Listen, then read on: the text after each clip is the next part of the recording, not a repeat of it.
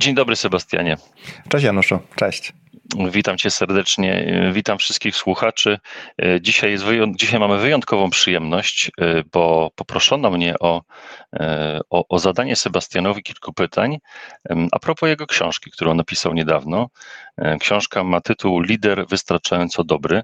Ukazała się kilka miesięcy temu, wprowadziła trochę zamieszania, bardzo dużo zainteresowania i, i jest mnóstwo pytań na temat skąd ta książka, dla kogo ta książka, po co ta książka, co w tej książce i tak dalej, i tak dalej. Sebastian się zgodził, żeby z nami porozmawiać dzisiaj o tym, ze mną porozmawiać dzisiaj o tym e, o, i odpowiedzieć na, na kilka pytań.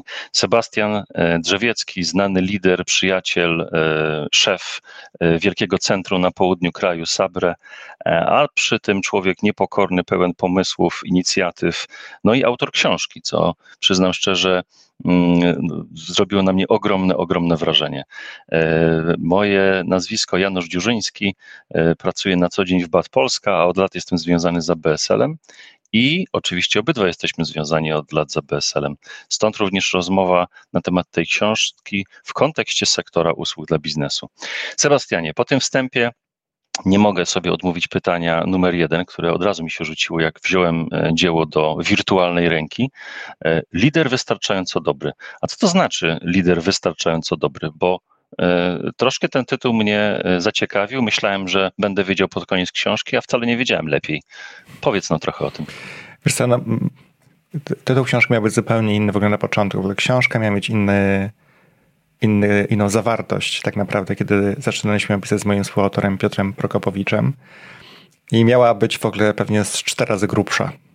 I miała mówić ogólnie o czasach niepokoju. E, nie, nie chodzi tylko o samą pandemię, ale ogólnie o zmianach, o niepokoju i tak dalej. Natomiast okazało się, że w pewnym momencie, że mamy po prostu już limitowany czas i energię, żeby ją pisać. W związku z czym to, co napisaliśmy jako rozdział tak naprawdę pierwszy i pół, rozdziału miał być jeszcze cztery, e, skompresowaliśmy do tej, do tej wersji. I wtedy pojawia się pytanie, no to jeśli to już nie jest y, ten stary tytuł, e, tego ma być nowy, to jaki? No ja pomyślałem sobie razem też z Piotrem, że, że to, co chcielibyśmy bardzo widzieć wszędzie wokół nas, to osoby, które mają odpowiednio, odpowiedni poziom kompetencji bycia liderami, menedżerami w firmach.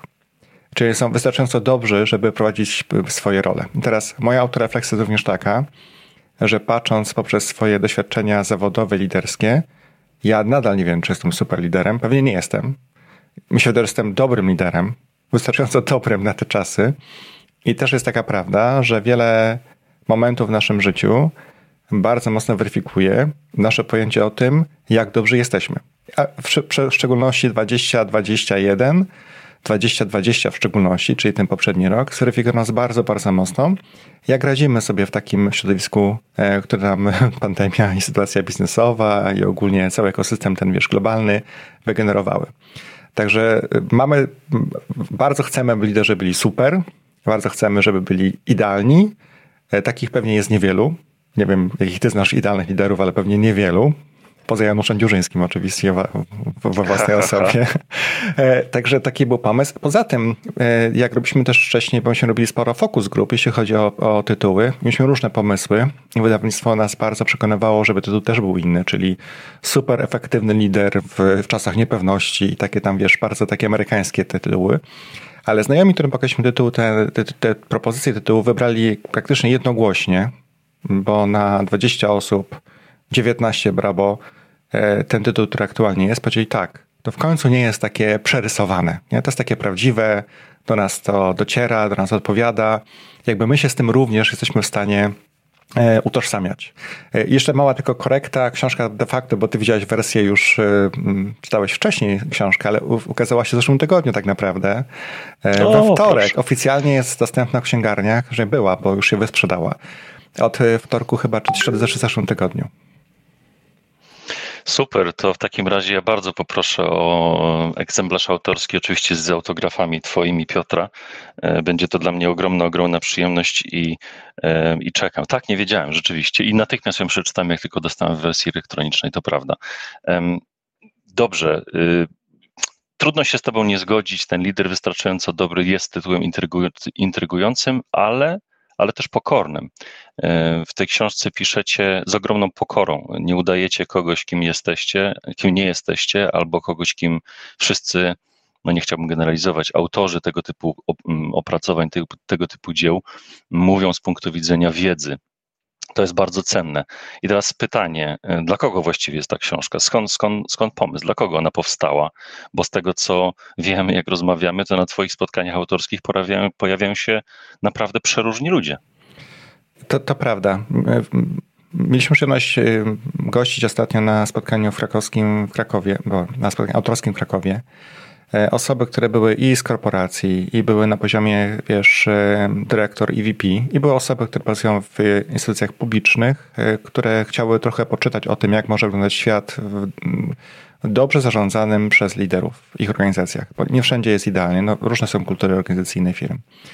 I myśmy kierowali tą, tą książkę kierujemy głównie do osób, które chciałyby podnieść swoje umiejętności liderskie, albo być bardziej świadomi tego, czego potencjalnie może jeszcze im brakować e, w ich takim zestawie narzędzi liderskich, aby sprawnie zarządzać organizacjami. E, ciekawe bardzo, oczywiście to nie jest do końca miarodajne, ale wysłałem również e, książkę do mojej teściowej, która jest panią doktor, już na emeryturze. I no, zrobiłem to czysto, też mnie o to rodzice mojej żony prosili, ale ona powiedziała w ten sposób, że Sebastian, gdybym ja tą książkę miała 6 lat temu, zaczęła swoją karierę, to ja myślę o swoich rolach mogłam być zupełnie w innym miejscu, aniżeli jestem dzisiaj. A na szczęście obydwoje lekarze, bardzo oczytani, więc y, traktuję też ich feedback. Oczywiście jest to rodzinny, ale bardzo przyjemny sposób. Tak, także myślę, że to są osoby, które chciały dowiedzieć czegoś nowego i tak wspomniałeś w sposób bardzo praktyczny, bo my z Piotrem piszemy tutaj y, po części odnosząc się do wielu y, badań, które akurat mieliśmy przyjemność przez dzięki mm, Piotrowi poznać bo pracuje i na uczelni tu w Krakowie, ale również uczelni Maryland. Robi w ogóle dużo badań i on zajmuje się w ogóle innowacją w firmach. Jak i również e, praktyki, czyli jak to de facto później wygląda w życiu, czyli jak wygląda zmiana, jak wyglądają pewne rozwiązania, które my wprowadzamy e, w organizacjach, e, patrząc z perspektywy liderów, którzy muszą się mierzyć z różnymi wydarzeniami. Także myślę, że spektrum tych osób jest dość szerokie i bardzo jestem chętny też posłuchać oczywiście poza naszym sektorem, jak inne osoby reagują na tego typu książkę i co o niej myślą. Rozumiem. E, chciałbym jeszcze dodać, że że, do, że te wasze przykłady, te wasze refleksje, wasze własne doświadczenia są bardzo cenne e, w tej książce. Myślę, że to bardzo uwiarygadnia całą treść i to, o czym piszecie. Dajecie te przykłady w taki sposób subtelny, ale bardzo konkretny. To znaczy są fajnie, y, są bardzo dobrze ilustrowane poszczególne tezy i poszczególne statystyki. To jest też e, to jest też y, bardzo, bardzo cenne. Sebastian, tak się nie mogę y, powstrzymać. Wiele rzeczy, o których piszecie, to są rzeczy takie e, oczywiste, szczególnie dla ludzi, którzy wiele, wiele lat spędzili mm, mm, próbując być liderami idealnymi, a być może y, będąc, są wystarczająco dobrzy, kto wie. Mm, na czym polega trudność tego tematu? Bo tyle książek na ten temat powstało. Wydaje się, że absolutnie wszyscy wszystko wiemy. E, w kontekście e, liderskim to jest temat rzeka, dlatego nie chciałbym może wchodzić w taki aspekt, bo to jest, to, to pewnie nie starczyłoby nam dnia. Natomiast w kontekście sektora naszego, w którym od lat pracujemy, e, ty doskonale wiesz, że wielokrotnie podejmowaliśmy próby takiego programu liderskiego i podchodziliśmy do niego z różnych stron. I, I, za każdym razem to nie było do końca to. Za każdym razem nie spełniał on pokładanych w nim nadziei. Na czym polega trudność, Sebastian? Wiesz co, myślę, że jeśli spojrzymy sobie na sektor, to, to myślę, że tutaj patrzymy na wiele firm, e, które mają dojrzałe struktury organizacyjne, plany rozwojowe, bardzo bogate, jeśli chodzi o swoją zawartość. I każda firma ma swoje plany rozwoju dla liderów, ma dostęp do, do, do mentoringu, coachingu wewnątrz firmy, dostęp do materiałów online'owych. I, I to jest po prostu, y, dla nas jest to zupełnie naturalne, że to, o czym ja mm, z Piotrem pisaliśmy, być może jest już znane. Być może po prostu trzeba tylko odświeżyć, przypomnieć, dać jakiś dodatkowy kontekst, pokazać pewne, pewne e, akcenty. I teraz myślę, że to jest super dobrze, że akurat w sektorze naszym tak jest, bo to moim zdaniem bardzo mocno wpłynęło ogólnie na poziom zarządzania organizacjami w Polsce, bez względu czy w sektorze, czy nie, bo ludzie przenikają, przepływają między firmami i jakby mm, roznoszą te dobre praktyki, o ile kultura nowej firmy, do której idą, jest na to gotowa. Więc ja myślę, jeśli chodzi o sektor ogólnie, w którym operuje, który skupia WSL, no to ta inwestycja w kapitał ludzki jest naprawdę na wysokim poziomie. Tu mamy bardzo dobre marki, dla których naturalnym jest to, że rozwija się osoby. I dlatego może jest trudniej po prostu e, w ramach sektora zrobić coś, co jest unikalne i wartościowe dla ludzi, e, w szczególności na poziomie takim e, koncepcji, bo jeśli bym powiedział praktykę, to ja myślę, że można spokojnie zrobić fajne warsztaty praktyczne, jak pewne rzeczy przełożyć na działanie. I to mi się wydaje, że każdy lider, który mierzy się z wymagania, wyzwaniami dzisiejszego świata, bardzo by docenił. Hmm. Bardzo ciekawe. Y, jeszcze jedno pytanie, podrążę troszeczkę. Y, jak brałem tę książkę do wirtualnej ręki, to myślałem sobie, Sebastian i Piotr opowiedzą nam o tym, czym się różni menadżer od lidera. opowiedzą nam o tym, y, jaki krok tak naprawdę, jaki skok raczej nie krok trzeba wykonać, żeby z człowieka zarządzającego pracą innych ludzi, ich rozwojem, e, rozwijaniem umiejętności, dostarczaniem rezultatów biznesowych, być taką inspiracją, być kimś z wyższej półki, bo to właśnie o to chodziło nam przez cały czas, prawda? To tacy ludzie ciągną organizację, to tacy ludzie są inspiracją ich autentyczność, ich e, obecność, ich, e, ich charyzma sprawia, że ludzie za nimi idą. A tymczasem wy troszkę tak jak z tym tytułem, tak bardzo w taki bardzo pokorny sposób mówicie o poznaniu siebie. Przede wszystkim o autorefleksji, o, o tym, żeby robić wszystko o tym, żeby wszystko robić, y, y, zaczynając od, od zrozumienia tego, co nas motywuje, kim my jest, jesteśmy tak naprawdę. Skąd taki pomysł? Bo, bo zabieg sam mnie osobiście, y, prywatnie mm, i biznesowo bardzo się podoba. Natomiast to, to, to, nie jest dokładnie to, czego ja się spodziewałem, sięgając po tę książkę, muszę ci powiedzieć. I, i skąd taki pomysł na, na zajrzenie się w siebie? Czy może tak jak z tytułem, mieliście na początku inny pomysł, a potem żeście go zmienili, czy od samego początku chcieliście zacząć od jednostki, od spojrzenia na siebie samego? Znaczy, myślę, że nie, nie, akurat ten, te rozdziały, to co zostało napisane, nie zostało zmienione w, praktycznie w żadnym procencie. Jakby to po prostu ta część została bardziej synchronizowana z pozostałymi elementami, które były napisane wcześniej, ale jakby sam content zawarty została taka, jaka była. I to też ciekawa rzecz poruszyłeś, bo myśmy mieli to wielo, pytanie wielokrotnie, czy menedżer, czy lider. No i teraz y, my, my nie robimy bardzo z rozgraniczać dwóch rzeczy, jednego od drugiego, bo jakby każdy, i też patrząc na moje doświadczenia zawodowe, jednego dnia mówisz do, mówię na przykład do y, tysiąca osób w Krakowie na jakimś town hallu, czy na spotkaniu, gdzie musisz inspirować, pokazać war, wartość, wizję firmy, a drugiego dnia po prostu siadasz formalnie nad Excelem i planujesz budżet. No, taka jest prawda. Tam nie ma nic inspirującego. Tam po prostu są czyste numerki, trzeba je zrobić. Tam jest po prostu wymaganie od firmy.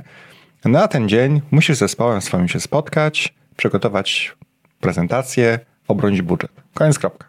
To jest zadanie czysto menedżerskie, to nie ma żadnego, moim zdaniem, przywództwa w tym wszystkim, poza tym, że odpowiednio angażujesz ludzi do przygotowania wkładu intelektualnego i merytorycznego do budżetu tak naprawdę. Więc my staramy się tylko mówić o tym, że lider, który, no lider powinien inspirować, ale też musi dowozić swoje rezultaty i jakby ta skuteczność liderska czy menedżerska jest bardzo ważna, bo na sam koniec dnia ludzie e, bardzo chętnie będą szli za osobą, która jest fajna i, i angażująca i tak dalej, ale jeżeli nie będzie odnosiła sukcesów, no to prędzej czy później będzie potem dobrze, fajnie się z tą pracuje, ale jednak nasze wyniki i tak dalej zależą jednak od wyników po prostu, czyli mój bonus i tak dalej. Więc jakby te, te, te dwa światy jak dla mnie mocno się przenikają. On teraz, jeżeli chodzi o samo podejście do e, samopoznania się, no to dla mnie to jest o ciekawe, że jeśli jesteś czym wyżej organizacji, tym chyba bardziej świadomie powinieneś dobierać sobie osoby, które pomagają ci odnieść sukces. I teraz one niekoniecznie muszą być. E, znaczy, pierwsza rzecz to oczywiście kwestia na przykład jednak umiejętności w danej dziedzinie, czy na przykład jeśli mamy dyrektora finansowego, czy nie wiem, dyrektora komunikacji i tak dalej, no to jakby zakładam, że nie muszą tą domenę wiedzą dobrze rozumieć, ale kolejnym elementem jest to, na etapie talentów i umiejętności, które mają poza tymi zawodowymi, gdzie są twoje dziury do zapchania, czyli gdzie potrzebujesz wsparcia, bo ty po prostu tych talentów nie masz. I dla mnie naturalne jest to, że zawsze dobieram sobie takie osoby, które mają ten, ten aspekt profesjonalny dobrze zaopiekowany i uzupełniają mnie w obszarach, w którym ja nie jestem najlepszy. I to jest jakby jeden z elementów, który ja bardzo cenię w tym, że mogę wiedzieć, jakie ja mam talenty, jakie ktoś ma talenty, można o tym porozmawiać. I często z osób, które na przykład mamy trzy super dobre kandydatki czy kandydatów, wybieram osobę, która ma dodatkowo jeszcze ten element, który mi jest potrzebny do pracy, żeby odnieść sukces. I taki prosty przykład, no, jeżeli na przykład e, ty masz jakiś w pewien sposób problemy interpersonalne, e, jeśli chodzi o wpływanie na przykład na jakieś osoby w firmie, na poszczególnych e, grupach w firmie, no, no to może mieć fajnie taką osobę, która te umiejętności ma super dobre i po prostu ją delegujesz na tego typu zadań. Ale ta się spełnia, bo ją to bawi i czuje się war wartościowa w tym, co robi. Jej, wiesz, inwestycja taka energetyczna na to, żeby działać dobrze w tym obszarze jest minimalna, bo tam ma naturalne talenty, więc wychodzi jej to po prostu automatycznie, może je tylko wzmacniać. I ludzie lubią z nią pracować, bo widać, że wie o czym mówi i prawie się, wiesz, ustawić w tym obszarze i tak dalej, i tak dalej, więc myślę, że to są takie, to, to samo poznanie się to jest istotne pod takim kątem nie tylko własnym, ale również organizacji. Dlatego o, o tym rozmawialiśmy. Dziękuję, dziękuję Ci bardzo. Y, nie mogę sobie odmówić y, przywołania tematu komunikacji. Jak wiesz, jest to mój absolutny konik i ja święcie jestem przekonany, zawsze byłem, że bez porządnej, dobrej, jakościowej, przemyślanej i przede wszystkim znakomicie wykonanej komunikacji, e, no to wszystko, co robimy, E, traci. Traci bardzo, bardzo dużo, wręcz czasem jest niemożliwe. Bardzo się ucieszyłem, czekałem na, to, na, na tą komunikację, doczekałem się gdzieś w trzech czwartych książki, w końcu to padło. Mm, krótko, natomiast bardzo, bardzo mocno i dobitnie. I chyba pierwszy raz czytałem o, o tym, że gdzieś tam wiele osób czuje, że ta komunikacja, jeśli będzie dobra, to można ją przełożyć na konkretne statystyki. I te statystyki pokazujecie w książce. Czy możesz powiedzieć parę słów, bo w książce miałem niedosyt, na temat samej, na temat samej komunikacji i tego, jaką ona odgrywa rolę w, w całym warsztacie mm, narzędzi, które ma mieć ze sobą lider? To jest właśnie też taki element, który jest też e, ważny, by wspomnieć, że te akcenty przywództwa, one są trochę różne w różnych czasach. I dlaczego teraz jest to tak bardzo ważne? Miałem taką przyjemność nagrać podcast z Ewą Hartman. Ona mówiła wtedy o tym, jak działa ludz, mózg ludzki w zeszłym roku. Na podcast wydawało mi się, bardzo było fajne, że rozmawiało i w ogóle, aczkolwiek wydawało mi się, żeby taki był trochę bardziej e, specjalistyczny. E, największa liczba odsłuchań. I ona mówi o tym, jak my reagujemy w sytuacjach kryzysowych i czego potrzebuje mózg. I ogólnie rzecz biorąc, upraszczając ten cały podcast do dwóch zdań, My potrzebujemy danych, żeby czuć się komfortowo i wiedzieć, co będzie w przyszłości. W firmie, która w szczególności w tych większych firmach, a pewnie mniejszych, średnich i tak dalej, ważne jest to, że ludzie nie wiedzą, e, jeśli nie wiedzą, co planują zarządy, nie wiedzą, jaki jest kierunek, jaki jest, jaki jest biznes, nie wiedzą, czy mogą czuć się bezpiecznie, no to odczuwają duży dyskomfort, podnosi poziom stresu, więc pewnie generują się różne inne ruchy, typu odejścia z firmy, dodatkowe L4, depresja, która była potwierdzona w zeszłym roku, w bardzo dużym stopniu wpłynęła na społeczeństwo, bo ludzie nie mają danych i czują się niekomfortowo. I nasz mózg pracuje w ten sposób od wielu, wielu lat.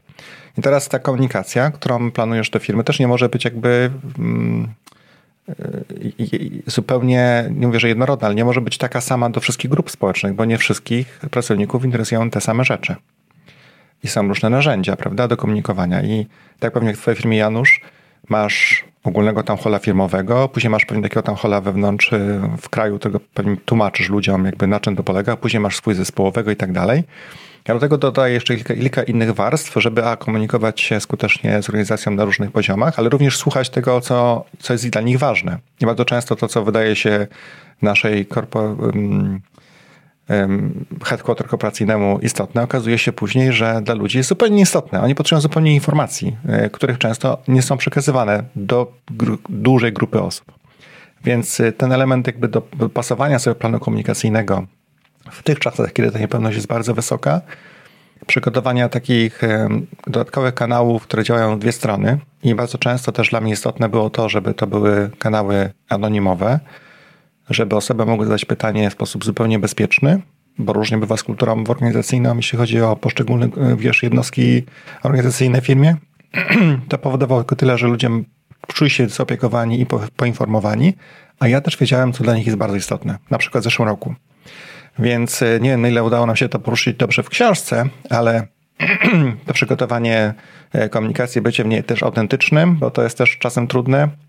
Tak w wielu przypadkach jest wiele projektów, które nie są jawne, dopóki nie są jawne i musisz też na nie odpowiadać poprawnie, jednocześnie w sposób jak najbardziej wiarygodny, no bo jeżeli raz nie miniesz się z prawdą, to organizacja może ci już później więcej nie zaufać, tak naprawdę. Więc są trudne takie tematy liderskie, kiedy musisz odpowiednio dobierać słowa, aby nie powiedzieć czegoś, co nie jest prawdziwe, a jednocześnie ma wartość dla ludzi.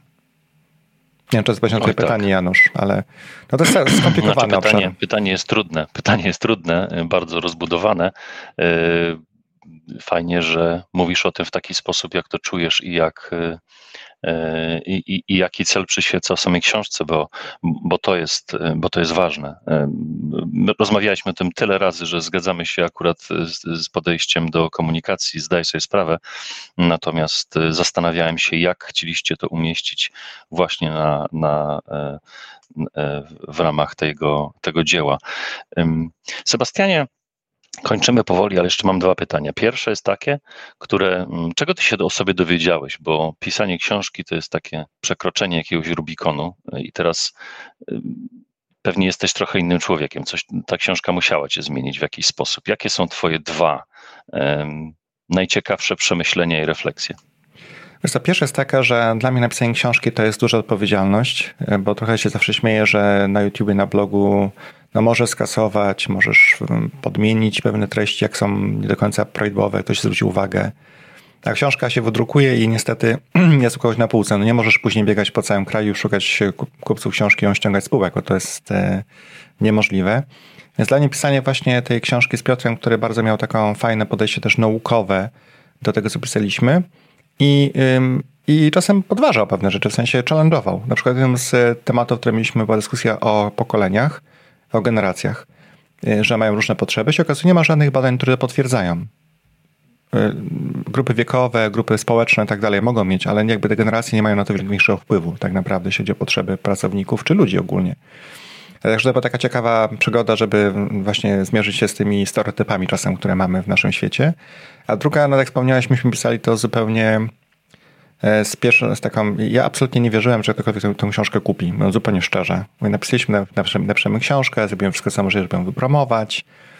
Jest to ciekawe doświadczenie, e, może ważny też taki punkt na, wiesz, na, na twoim, taki kamień milowy twojej karierze zawodowej, bo książka to jednak jest coś takiego innego, niewiele osób ją w ogóle pisze, moim znajomych mam sporo znajomych, ale akurat oni też z tego jakby po żyją. I się okazało, że książka wylądowała dobrze w środowisku, co nas bardzo cieszy. Zupełnie zaskakuje pozytywnie w ten sposób. Trochę nabrałem pewnie wiary większej, że być może, być może kiedyś, jeśli starczy nam energii, napiszemy może wersję rozszerzoną albo, albo do kontynuacji tej książki po prostu. Ale to, to jest dla mnie to, to co się wydarzyło w przestrzeni przedpromocyjnej, popromocyjnej, to jest Janusz absolutne, absolutne zaskoczenie. Pozytywne i się cieszę bardzo, ale zaskoczenie. No to wspaniale, to, to, to świetnie, to bardzo dobrze wróży. Chciałem na koniec jeszcze powiedzieć dwie rzeczy. Po pierwsze, bardzo Wam dziękuję, że ta książka nie jest cztery razy e, grubsza. Jednak e, e, i, i, że ma taki fajny tytuł, i że jest tak napisane z serducha, bo, bo myślę, że to stanowi jej wartości. Nie jest przegadana, jest prost, mówi o rzeczach ważnych, ale w taki mm, prosty, ale nie banalny sposób. I to, jest, I to jest super. Za to Ci bardzo dziękuję. Jestem przekonany, że w, również w imieniu wielu e, czytelników, którzy być może po tej rozmowie sięgną po tą książkę, e, to raz. A dwa, no troszeczkę wytrąciłeś mi pytanie z ręki, bo właśnie Ci chciałem spytać, co dalej. Kiedy możemy liczyć na, na, na, kolejny, na kolejny rozdział i czy to będzie znaczy, jestem przekonany, że, że nie odpuścisz tak po prostu, szczególnie po tym, co teraz powiedziałeś. Pytanie, czy, czy dalej to będzie kwestia mm, przywództwa, czy być może będzie to coś innego? Jakieś przemyślenia, jakiś e, mały sekrecik zdradzony czytelnikom i słuchaczom? Wiesz bardzo chciałbym poruszyć temat, to mi się wydaje jest ważny. E, temat, który dotyka innowacji. I w takim kontekście, czy, czy ta innowacja w tym nowym świecie, który jest taki, jak jest teraz, może być taka skuteczna jak wcześniej, a może być bardziej skuteczna jak wcześniej, a może będzie mniej skuteczna jak wcześniej. I to by mnie osobiście zawodowo bardzo też interesowało, a że akurat mój kolega, współautor ma również pod tym kątem badania, to połączenie takiego świata biznesu i nauki byłoby nie tylko ciekawe, ale mi wydaje bardzo wartościowe dla wielu osób. Wiele osób mówi, że widzi pewien wpływ na pandemii i pracy zdalnej na tego typu obszary, ale nie wiem, czy to jest prawda. Więc może to będzie mniejsza, mniejsza pozycja, ale innowacja ogólnie sama w sobie jako, jako kontekst i później jak ona, jak potrzebuje środowiska, żeby, żeby się rozwijać, dobrze działać, myślę, że byłaby bestsellerem, jak dla mnie. Sam chętnie ją kupił, powiem szczerze bo sam tego nie wiem. A mieliśmy spotkanie ostatnio z kolegą z dużej firmy technologicznej. On mówi, że jednak on na przykład mm, widzi 30% w chwili obecnej wpływ na innowacje jego organizacji 2021, dlatego głównie, że jest to jednak innowacja robiona w domach, po, po prostu pracując zdalnie. I teraz pytanie, czy to można zmienić? Wiesz, patrząc z perspektywy przyszłości, innowacja jest ultra ważna, a dla technologii szczególnie jeśli chodzi o rozwój ogólnie przedsiębiorstwa, świata i planety. Więc jestem bardzo ciekaw. No i też jest wiele takich badań, to też miałem Piotr, myśmy rozmawiali na ten temat. E, jaka struktura firmy pomaga innowacjom? To jest w ogóle już sam kontekst, koncept sam w sobie ciekawy do zrobienia w ogóle podcastu na ten temat, ale, ale to jest też e, czasem nasze wyobrażenia o tym, czego potrzebują e, firmy, żeby być innowacyjne i odnosić sukcesy, rozmijać niestety z realiami. Cóż, y, pozostawmy tutaj drobne niedopowiedzenie do następnej rozmowy. Kto wie, może książki. Sebastianie, Ci bardzo dziękuję za rozmowę. Mm, y, myślę, że dowiedzieliśmy się kilku rzeczy od, od kuchni i to jest super. Mm, bardzo wszystkich zachęcam do, do przeczytania y, i zapoznania się z tym, kim jest lider wystarczająco dobry w wykonaniu Sebastiana i Piotra. No i czekamy na następną książkę. Dziękuję Ci bardzo za rozmowę i życzę powodzenia przy następnych y, krokach na, na tej nowej ścieżce kariery. Dziękuję Ci, gratuluję jeszcze raz. Dziękuję Zrobiłeś na mnie ogromne wrażenie, jak i pewnie na nas wszystkich. Dziękuję Ci za rozmowę, Sebastian. Dziękuję bardzo. E, miłego dnia, trzymaj się.